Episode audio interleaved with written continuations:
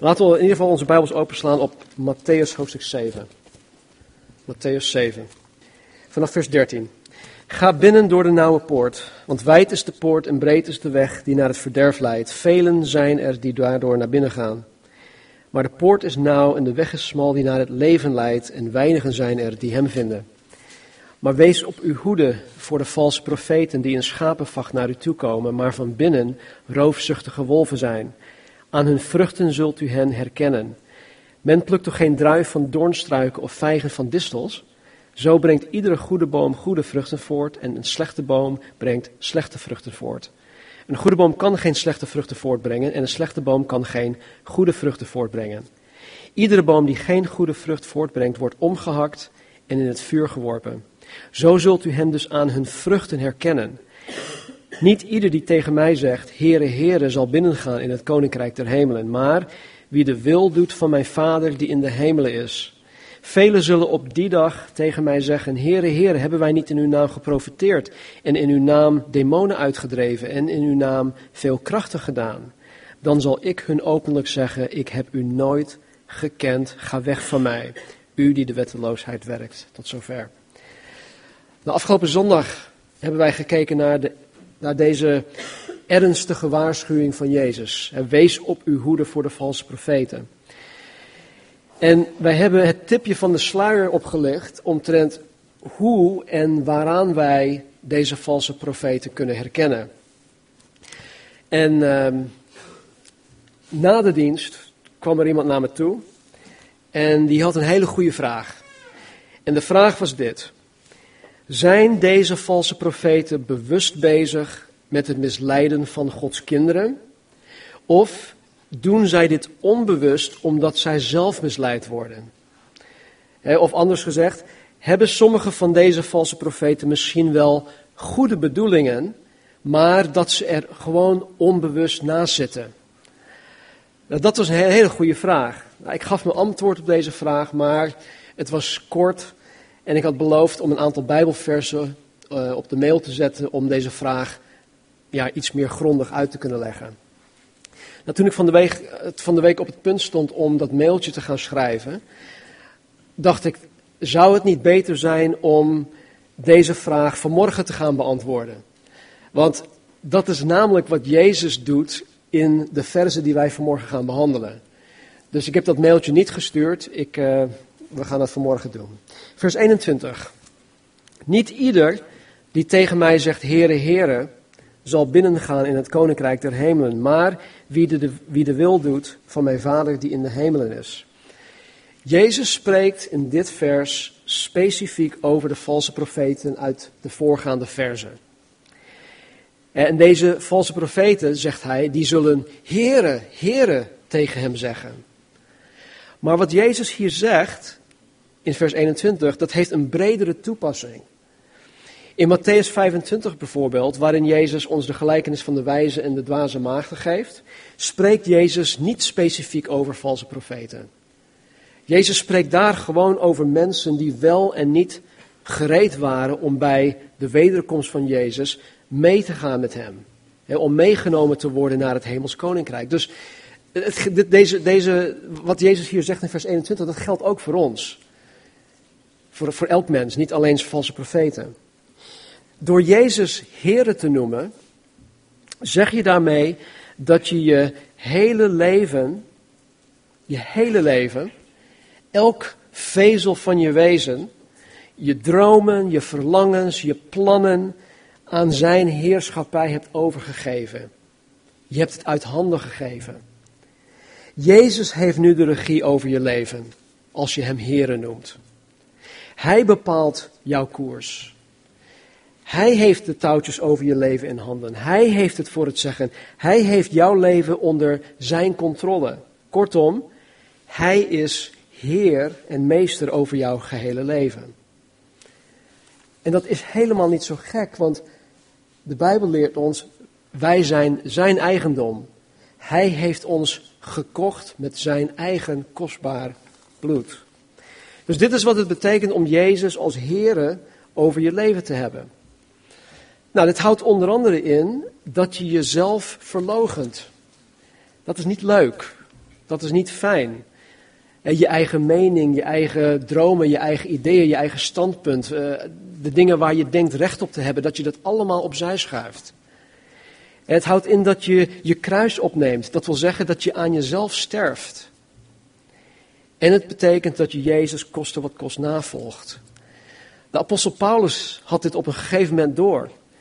En hij schrijft in Galaten 2:20 dit. Ik ben, hij spreekt dus over zichzelf, ik ben met Christus gekruisigd. En niet meer ik leef, dus niet meer mijn eigen ik leef, maar Christus leeft in mij. En voor zover ik nu in het vlees leef, dus nog in dit lichaam, leef ik door het geloof in de Zoon van God, die mij heeft liefgehad en zichzelf voor mij heeft overgegeven. Valse profeten hebben een verborgen agenda. Laten we naar 2 Petrus toe gaan. 2 Petrus hoofdstuk 2. Bladzijde 1894 in de HSV. 2 Petrus hoofdstuk 2. Maar er zijn ook valse profeten onder het volk geweest, zoals er ook onder u valse leraars zullen zijn, die heimelijk verderfelijke afwijking in de leer zullen invoeren. Daarmee verlogenen zij zelfs de Heere die hen gekocht heeft en brengen zij een snel verderf over zichzelf. En velen zullen hen, door wie de weg van de waarheid gelasterd zal worden, op hun verderfelijke wegen navolgen. Zij zullen u door hebzucht met verzonnen woorden uitbuiten. Het vonnis over hen is reeds lang in werking en hun verderf sluimert niet. Want als God de engelen die gezondigd hebben niet gespaard heeft, maar hen in de hel geworpen en overgegeven heeft aan de ketenen van de duisternis, om tot het oordeel bewaard te worden, en als God de oude wereld niet gespaard heeft, maar het achttal van Noach, de prediker van de gerechtigheid, bewaard heeft, toen hij de zondvloed over de wereld van goddelozen bracht, en als God de steden Sodom en Gomorra tot as verbrand en tot de vernietiging veroordeeld heeft, en tot een voorbeeld gesteld heeft voor hen die goddeloos zouden leven, en als God de rechtvaardige Lot, die leed onder de losbandige levenswandel van normloze mensen, verlost heeft, want deze rechtvaardige die in hun midden woonde, heeft dag in en dag uit zijn rechtvaardige ziel gekweld bij het zien en horen van hun wetteloze daden. Dan weet de Heer ook nu de godvruchtigen uit de verzoeking te verlossen, maar de onrechtvaardigen te bewaren tot de dag van het oordeel, om gestraft te worden. In het bijzonder echter hen die in onreine begeerte het vlees achterna lopen en het gezag verachten, die roekeloos zijn, die roekeloos zijn, eigenzinnig en er niet voor terugschrikken om al wat eer toekomt te lasteren. Terwijl de engelen, die in sterkte en kracht hun meerdere zijn, geen aanklacht wegens godslastering tegen hen indienen bij de Here. Maar deze mensen lasteren wat zij niet kennen als redeloze dieren, geboren met de natuur om gevangen te worden en te gronden te gaan. Zij zullen in hun verdorvenheid ten, verder, ten verderven gaan. En zij, en zij die een zwelgpartij overdag als een genot beschouwen, zullen het loon van de ongerechtigheid ontvangen. Schandvlekken en smetten zijn het, die zwelgen in hun bedriegerijen als zij met u de maaltijd gebruiken. Hun ogen zijn vol overspel en zondigen onophoudelijk. Zij verlokken onstandvastige mensen en hebben hun hart geoefend in hebzucht. Kinderen van de vervloekingen, zei het. Ze hebben de rechte weg verlaten en zijn verdwaald en volgen de weg van de Biliam, de zoon van Beor, die het loon van de ongerechtigheid liefhad. Maar hij heeft de bestraffing voor zijn overtreding gekregen, want het stomme lastdier dat met een mensenstem sprak, heeft de dwaasheid van de profeet verhinderd. Deze mensen, zijn bronnen zonder water, wolken die door een wervelwind voortgedreven worden, voor wie de diepste duisternis tot een eeuwigheid bewaard wordt. Want door zeer hoogdravende woorden, vol onzin te spreken, verlokken zij met de begeerte van het vlees en met losbandige mensen die daadwerkelijk ontvlucht waren aan hen die in dwaling verkeren.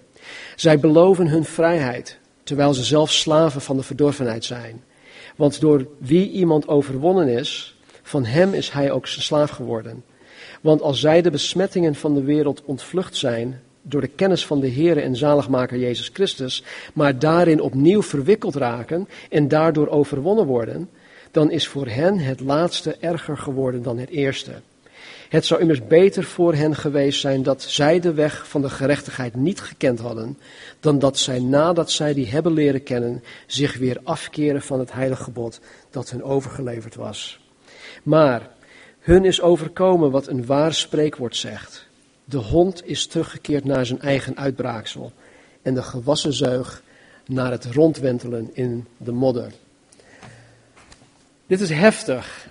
Je zou bijna niet durven te zeggen dat dit geïnspireerd is door een God van liefde of een God die liefde is. Maar hij omschrijft hier dus de, de innerlijke ehm, ja, kern van, de, de kern van deze valse leraren en deze valse profeten. Ze hebben een verborgen agenda. En deze valse profeten, die, die waren totaal niet geïnteresseerd in de werkelijke heerschappij van Jezus Christus. En ze zeggen dan wel, heren, heren, maar het is slechts lippendienst. En weet je, helaas volgen velen, velen volgen deze valse profeten door de wijde poort en op de brede weg. En ze volgen deze valse profeten naar de uiteindelijke verdoemenis. Hier in dit hoofdstuk van 2 Petrus, in vers 2 staat dit. En velen zullen hen, het is de valse profeten, door wie de weg van de waarheid gelasterd zal worden, op hun verderfelijke wegen navolgen. Velen zullen hen navolgen. Weet je, ik, ik heb soms de vraag, en ik, ik, ik vraag me dat, dat wel eens af, waarom, waarom volgen velen deze valse profeten? Zien ze het niet in? Hebben ze zelf geen uh, onderscheidingsvermogen? Uh, wat is de reden daartoe? Nou, Jesaja hoofdstuk 30, vers 8 tot en met 10 zegt dit over het volk Israël. En eigenlijk ook dat is op, van toepassing op ons anno 2012. God zei tegen Jesaja, Jesaja, neem een lei, voor iedereen zichtbaar. als het vandaag geschreven zou zijn, dan zou zeggen, neem een iPad of zoiets. Neem iets wat zichtbaar voor mensen zou zijn. Pak een schrijfplankje en leg dit vast voor altijd, eens en vooral. Het is een opstandig volk. Het zijn onbetrouwbare kinderen. Ze weigeren te luisteren naar de Heer. Zijn richtlijnen volgen ze niet op. En tegen de zieners zeggen ze: Val ons niet lastig met uw visioenen. Tegen de profeten zeggen ze dit: Zeg ons niet de waarheid. Vertel liever wat we graag horen. Beloof ons gouden bergen. Dat is wat de mensen willen. Het volk Israël, Gods volk, Gods uitverkoren volk. Die willen de Heer niet dienen, die willen de waarheid niet horen. Vertel liever wat we graag horen. Beloof ons gouden bergen. Nou, fast forward. Een paar honderd jaar later duizend jaar later. In 2 Timotheus 4, 1 tot en met 4 schrijft Paulus dit aan de jonge voorganger die in Efeze voorganger was. Ik bezweer u ten overstaan van God en de Heere Jezus Christus die levenden en doden zal oordelen bij zijn verschijning en in zijn koninkrijk. En dan zegt hij, predik het woord. Predik het woord. Volhard daarin, gelegen of ongelegen, Weerleg, bestraf, vermaan en dat met alle geduld en onderricht. Want er zal een tijd komen dat zij de gezonde leer niet zullen verdragen, maar dat zij zullen zoeken wat het gehoor streelt. En voor zichzelf leraars zullen verzamelen overeenkomstig hun eigen begeerten. Ze zullen hun gehoor van de waarheid afkeren en zich keren tot verzinsels. Zoals de valse profeten hebben deze mensen, kerkgangers, ook geen interesse in de werkelijke heerschappij van Jezus Christus. De valse profeten hadden totaal geen interesse in de heerschappij van Christus en ook deze mensen niet. En dit is wat onder andere Jesaja en 2 Timotheus ons leert.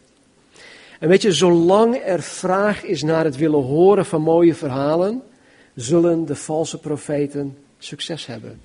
Niet ieder die tegen mij zegt, Heere, Heere, zal binnengaan in het koninkrijk der hemelen, maar wie de wil doet van mijn Vader die in de hemelen is. Het, het gaat God totaal niet om de oppervlakkige lippendienst van de menigte. Het gaat God om het doen. Het doen van zijn wil.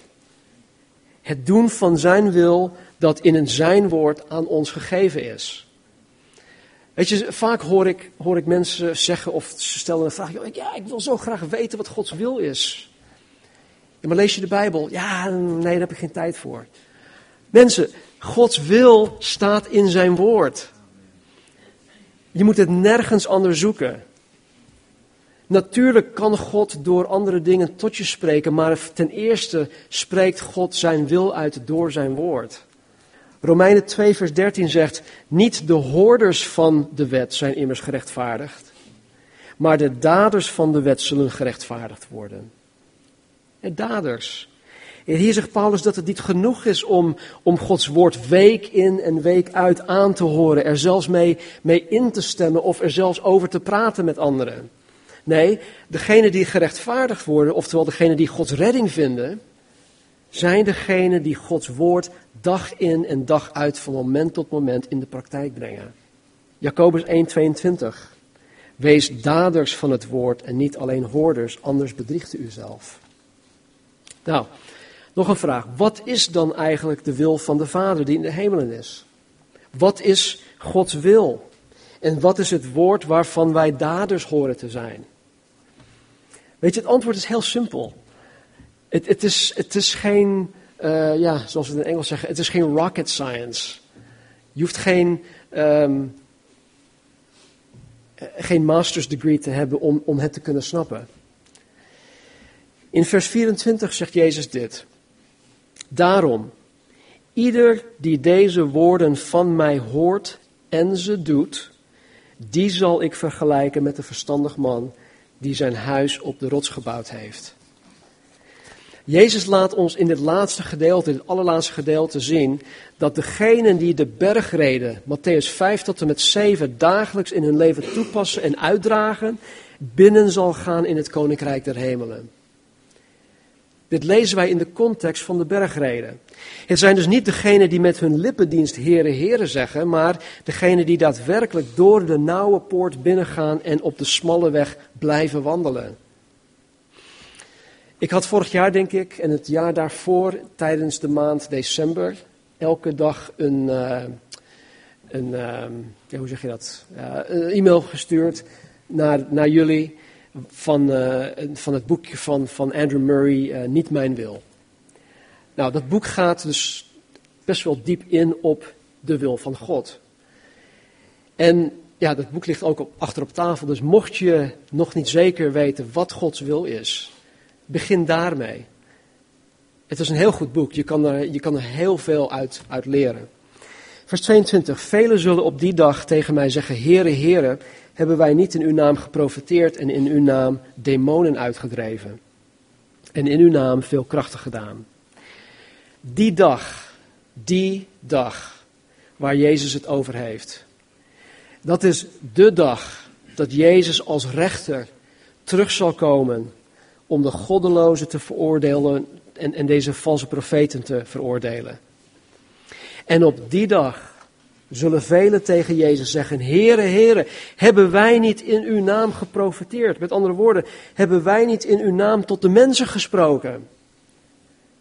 Hebben wij niet in uw naam diensten gehouden? Hebben wij niet in uw naam uh, campagnes gehouden? Hebben wij niet in uw naam stadions vol uh, gekregen met mensen? Hebben wij niet in uw naam demonen uitgedreven en in uw naam veel krachten, oftewel veel wonderen gedaan? Ik zei vorige week nog dat deze valse profeten uit een bovennatuurlijke bron putten. En deze bron is Satan, de duivel. Hij beschikt over bovennatuurlijke kracht. Het verschil echter tussen Gods bovennatuurlijke kracht en Satans bovennatuurlijke kracht is onder andere dat God zijn kracht toont aan de mens om de mens tot zich te trekken. Satan toont zijn kracht om de mens van de ware God af te houden. God toont zijn kracht om ons te helpen door de nauwe poort binnen te gaan en om van moment tot moment op de smalle weg te blijven wandelen. Dat is de, de kracht van God. Dat is de opstandingskracht. Satan toont zijn kracht om de mens zo ver mogelijk van de nauwe poort en de smalle weg af te leiden. Satan kan wonderen doen. Satan kan de mens doen denken dat deze wonderen ook door God gedaan worden. In 2 Korinthe 11, 13 tot 15 staat dit. Paulus spreekt hier over valse profeten, valse apostelen, valse leraren. Hij zegt, want zulke lieden zijn valse apostelen, bedrieglijke arbeiders, die zich voordoen als apostelen van Christus. En geen wonder, en geen wonder, want de Satan zelf doet zich voor als een engel van het licht. Het is dus niets bijzonders als ook zijn dienaars zich voordoen als dienaars van de gerechtigheid. Hun einde zal zijn naar hun werken. Jezus zegt in Matthäus 24, 24, er zullen valse Christussen en valse profeten opstaan en zij zullen grote tekenen en wonderen doen, zo dat zij, als het mogelijk zou zijn, ook de uitverkorenen zouden misleiden. Het is heftig. Het is echt heftig. Vandaar dat Jezus ons zo ernstig waarschuwt. Deze valse profeten zijn bij machten om heel bijzondere bovennatuurlijke wonderen te verrichten. Weet je, niet alle bovennatuurlijke gebeurtenissen komen per se bij God vandaan. Dan, vers 23, zal ik hun openlijk zeggen: Ik heb u nooit gekend. Ga weg van mij, u die de wetteloosheid werkt. Tegen deze valse profeten en eigenlijk tegen allen die de wil van God de Vader niet volbrengen. Door ten eerste door de nauwe poort binnen te gaan, zal Jezus tegen hen zeggen: Ik heb u nooit gekend. Ga weg van mij, u, u die de wetteloosheid werkt. Dit zijn woorden die geen enkel mens uit de mond van Jezus Christus zou willen horen. Ik kan me niet voorstellen dat ik voor Jezus Christus kon bestaan en dat Hij dat tegen mij zou zeggen. In Matthäus 25, laten we daar naartoe gaan, illustreert Jezus wat er op die dag gebeuren zal. We hebben het nog steeds over die dag. Matthäus 25, vers 31. Wanneer de Zoon des Mensen komen zal in zijn heerlijkheid en al de heilige engelen met hem. Dan zal hij zitten op de troon van zijn heerlijkheid. En voor hem zullen al de volken bijeengebracht worden. En hij zal ze van elkaar scheiden, zoals de herder de schapen van de bokken scheidt. En hij zal de schapen aan zijn rechterhand zetten, maar de bokken aan zijn linkerhand. Dan zal de koning zeggen tegen hen die aan zijn rechterhand zijn: Kom, gezegenden van mijn vader, beërf het koninkrijk dat voor u bestemd is vanaf de grondlegging van de wereld. Want ik had honger en u hebt mij te eten gegeven. Ik had dorst en u hebt mij te drinken gegeven. Ik was een vreemdeling en u hebt mij gasvrij onthaald. Ik was naakt en u hebt mij gekleed. Ik ben ziek geweest en u hebt mij bezocht. Ik was in de gevangenis en u bent bij mij gekomen. Dan zullen de rechtvaardigen hem beantwoorden, Heere, wanneer hebben wij u hongerig gezien en te eten gegeven, of dorstig en te drinken gegeven? Wanneer hebben wij u als een vreemdeling gezien en gasvrij onthaald, of naakt en hebben u gekleed? Wanneer hebben wij u ziek gezien en, of in de gevangenis en zijn bij u gekomen? En de koning zal antwoorden, voorwaar, ik zeg u, voor zover u dit voor mij, of voor zover u dit voor een van deze geringste broeders van mij gedaan hebt, hebt u dat voor mij gedaan? Dan zal hij ook zeggen tegen hen aan de linkerhand, ga weg van mij, vervloekten in het eeuwige vuur dat voor de duivel en zijn engelen bestemd is. Want ik ben hongerig geweest en u hebt mij niet te eten gegeven. Ik ben dorstig geweest en u hebt mij niet te drinken gegeven. Ik was vreemdeling en u hebt mij niet gasvrij onthaald naakt en u hebt mij niet gekleed, ziek in de, en in de gevangenis en u hebt mij niet bezocht. Dan zullen ook deze hem antwoorden, Heere, wanneer hebben wij u hongerig gezien of dorstig of als een vreemdeling of naakt of ziek of in de gevangenis en hebben u niet gediend? Dan zal hij hun antwoorden, voorwaar ik zeg u, voor zover u dit voor een van deze geringsten niet gedaan hebt, hebt u het ook niet voor mij gedaan. En deze zullen gaan in de eeuwige straf, maar de rechtvaardigen in het eeuwige leven. Mensen, er komt een dag. Die dag. En persoonlijk geloof ik dat deze dag er sneller aankomt dan dat wij denken. Weet je, het is niet zoiets als dat de Maya-kalender voorspelt. En dat 21 december het einde van de wereld komt. Waar Jezus het hier over heeft is echt. Het is echt. En het komt eraan. Maar. Er is een hele grote maar. Jezus Christus heeft er alles aan gedaan. Jezus Christus heeft de weg gebaand zodat de mens op die dag de eeuwige straf kan vermijden. In Johannes 3, vers 16 tot 18 staat dit. Want zo lief heeft God de wereld gehad, zo lief heeft God mij gehad, dat Hij zijn enige geboren zoon gegeven heeft, opdat ieder die in Hem gelooft niet verloren gaat, maar eeuwig leven heeft. Want God heeft zijn zoon niet in de wereld gezonden opdat hij de wereld zou veroordelen, maar opdat de wereld door hem behouden of gered zou worden. Wie in hem gelooft, wordt niet veroordeeld. Maar wie niet gelooft, is al veroordeeld, omdat hij niet geloofd heeft in de naam van de enige geboren zoon van God. Johannes 5, vers 24. Voorwaar, voorwaar, ik zeg u. En wanneer Jezus dat zegt, dat betekent, dat betekent gewoon, luister goed. Ik zeg u, wie mijn woord hoort en hem gelooft, die mij gezonden heeft, dus de Vader, die heeft eeuwig leven en komt niet in de verdoemenis, maar is uit de dood overgegaan in het leven. Johannes 10, vers 27. Mijn schapen, zegt Jezus, horen mijn stem en ik ken ze en ze volgen mij. En ik geef hun eeuwig leven en zij zullen beslist niet verloren gaan in eeuwigheid en niemand zal ze uit mijn hand rukken. Mijn Vader, die hen aan mij gegeven heeft, is meer dan allen en niemand kan hen uit de hand van mijn Vader rukken. Ik en de Vader zijn één. En tot slot dit. In Hebreeën 7:25 staat dit. Daarom kan Hij, Jezus, ook volkomen zalig maken. Dus tot het uiterste kan Jezus redden. Wie door Jezus tot God gaan, omdat Jezus altijd leeft om voor hen te pleiten. Je moet het zo voorstellen. Je bent gearresteerd omdat je een ernstige misdrijf, misdrijf hebt begaan. Je moet voorkomen in de rechtszaal. En je wordt door de openbare aanklager beschuldigd van deze mes, voor deze misdrijf. En al het forensisch bewijs toont aan dat je schuldig bent. Je komt er niet onderuit.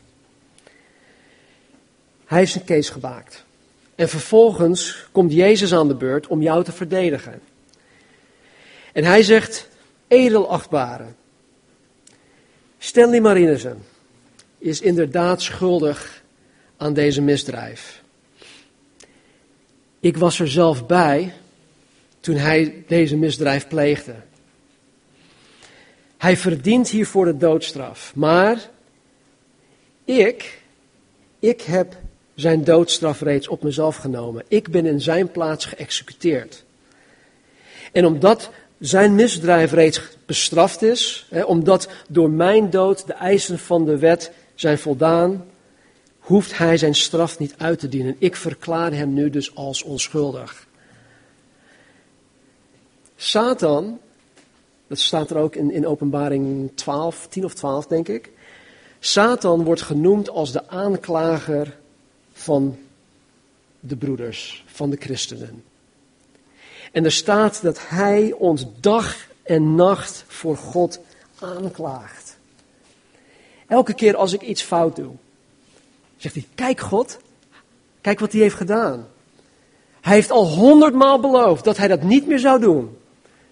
Zelfs onder tranen heeft hij beloofd dat hij dat nooit meer zou doen. Kijk, hij doet het weer. Satan klaagt mij voortdurend aan. Maar Jezus pleit dag en nacht voor mij. En hij zegt, ja, je hebt gelijk Satan, hij heeft het weer gedaan, maar weet je wat? Ook daarvoor ben ik gestorven. Je kan hem niks meer maken. Jezus Christus pleit mij vrij. Jezus is bij machten om volkomen te redden, om volkomen zalig te maken, om ons tot het uiterste zalig te maken, om ons te redden uit de verdoemenis. Wie door Hem tot God gaan, omdat Hij altijd leeft om voor ons te pleiten. Ik wil afsluiten met dit gedicht. Dat heb ik een aantal weken geleden ook al voorgelezen. Waarom noemt u mij Heere, Heere en doet niet wat ik zeg? U noemt mij de weg en bewandelt mij niet. U noemt mij het leven en leeft mij niet. U noemt mij meester en gehoorzaamt mij niet. Als ik u veroordeel, beschuldig mij niet. U noemt mij brood en eet mij niet. U noemt mij waarheid en gelooft mij niet. U noemt mij Heere en dient mij niet. Als ik u veroordeel, beschuldig mij niet. Laten we bidden. Vader, dank u wel voor uw woord. Dank u, Jezus, dat u ons daarin waarschuwt. En dat u ons niet alleen waarschuwt en ons vervolgens aan ons lot overlaat, maar Heer, dat u ons ook laat zien waarvoor wij moeten opletten, waarvoor wij ons, uh, op onze hoede moeten zijn. Dank u wel, Heer, dat u ons niet als wezen heeft achtergelaten, maar dat u ons uw heilige geest hebt gegeven. Die naast ons staat, die in ons woont. Die ons de waarheid laat zien. Die ons onderscheidingsvermogen geeft vanuit uw woord om te kunnen onderscheiden wat waar is en wat vals is. Heer, geef ons alstublieft een vernieuwd honger in ons hart. Heer, vanuit het diepst van ons binnenste, Heer, om uw woord ons eigen te maken. Heer, dit is een zeer ernstige zaak. Heer, we willen niet misleid zijn. We willen niet misleid worden. We willen alert zijn. We willen scherp zijn. Heer, dat is ons aandeel. Dat is onze taak. Tegelijkertijd, Heer, weet ik dat U bij machten bent om ons volkomen zalig te maken.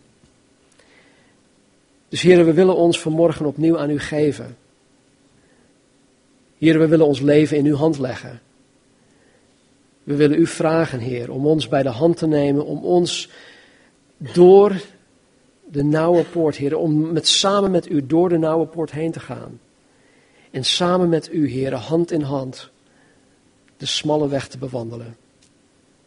Help ons, Heer. Leid ons stap voor stap op de smalle weg. Geef ons, Heer, alles dat we nodig hebben. Geef ons, Heer, ook een bewogenheid, uw hart, voor de verlorenen. Heer, ik, nogmaals, ik, ik kan me niet voorstellen dat een mens die woorden te horen zal krijgen. O Heer, geef ons uw hart, geef ons gelegenheden, Heer, vandaag, morgen, deze week, Heer, om mensen uit de verdoemenis te redden. Zalf ons met uw geest. Leid ons. Help ons. We hebben u nodig. En dank u, Heer, dank u dat u ons gered hebt. Dank u dat u ons aan het redden bent. Dank, dank u dat u ons het leven hebt gegeven. Leven en overvloed. Dank u wel dat u onze ogen hebt geopend. Dat u ons uit de duisternis hebt gehaald en in het koninkrijk van het licht geplaatst heeft. Dat u ons uit de leugen gehaald hebt en dat u ons in de waarheid geplaatst hebt. Dat u ons uit de dood gehaald hebt en in het leven geplaatst hebt. Dank u Heer, u bent zo geweldig goed. Dank u dat u dag en nacht voor mij, voor ons pleit. Help ons Heer om daar geen misbruik van te maken. Help ons Heer om een diep verlangen te hebben om geheiligd te worden. Door uw woord, door uw geest. Heren, allemaal omwille van uw naam. Omwille van uw zaak. Omwille van uw koninkrijk.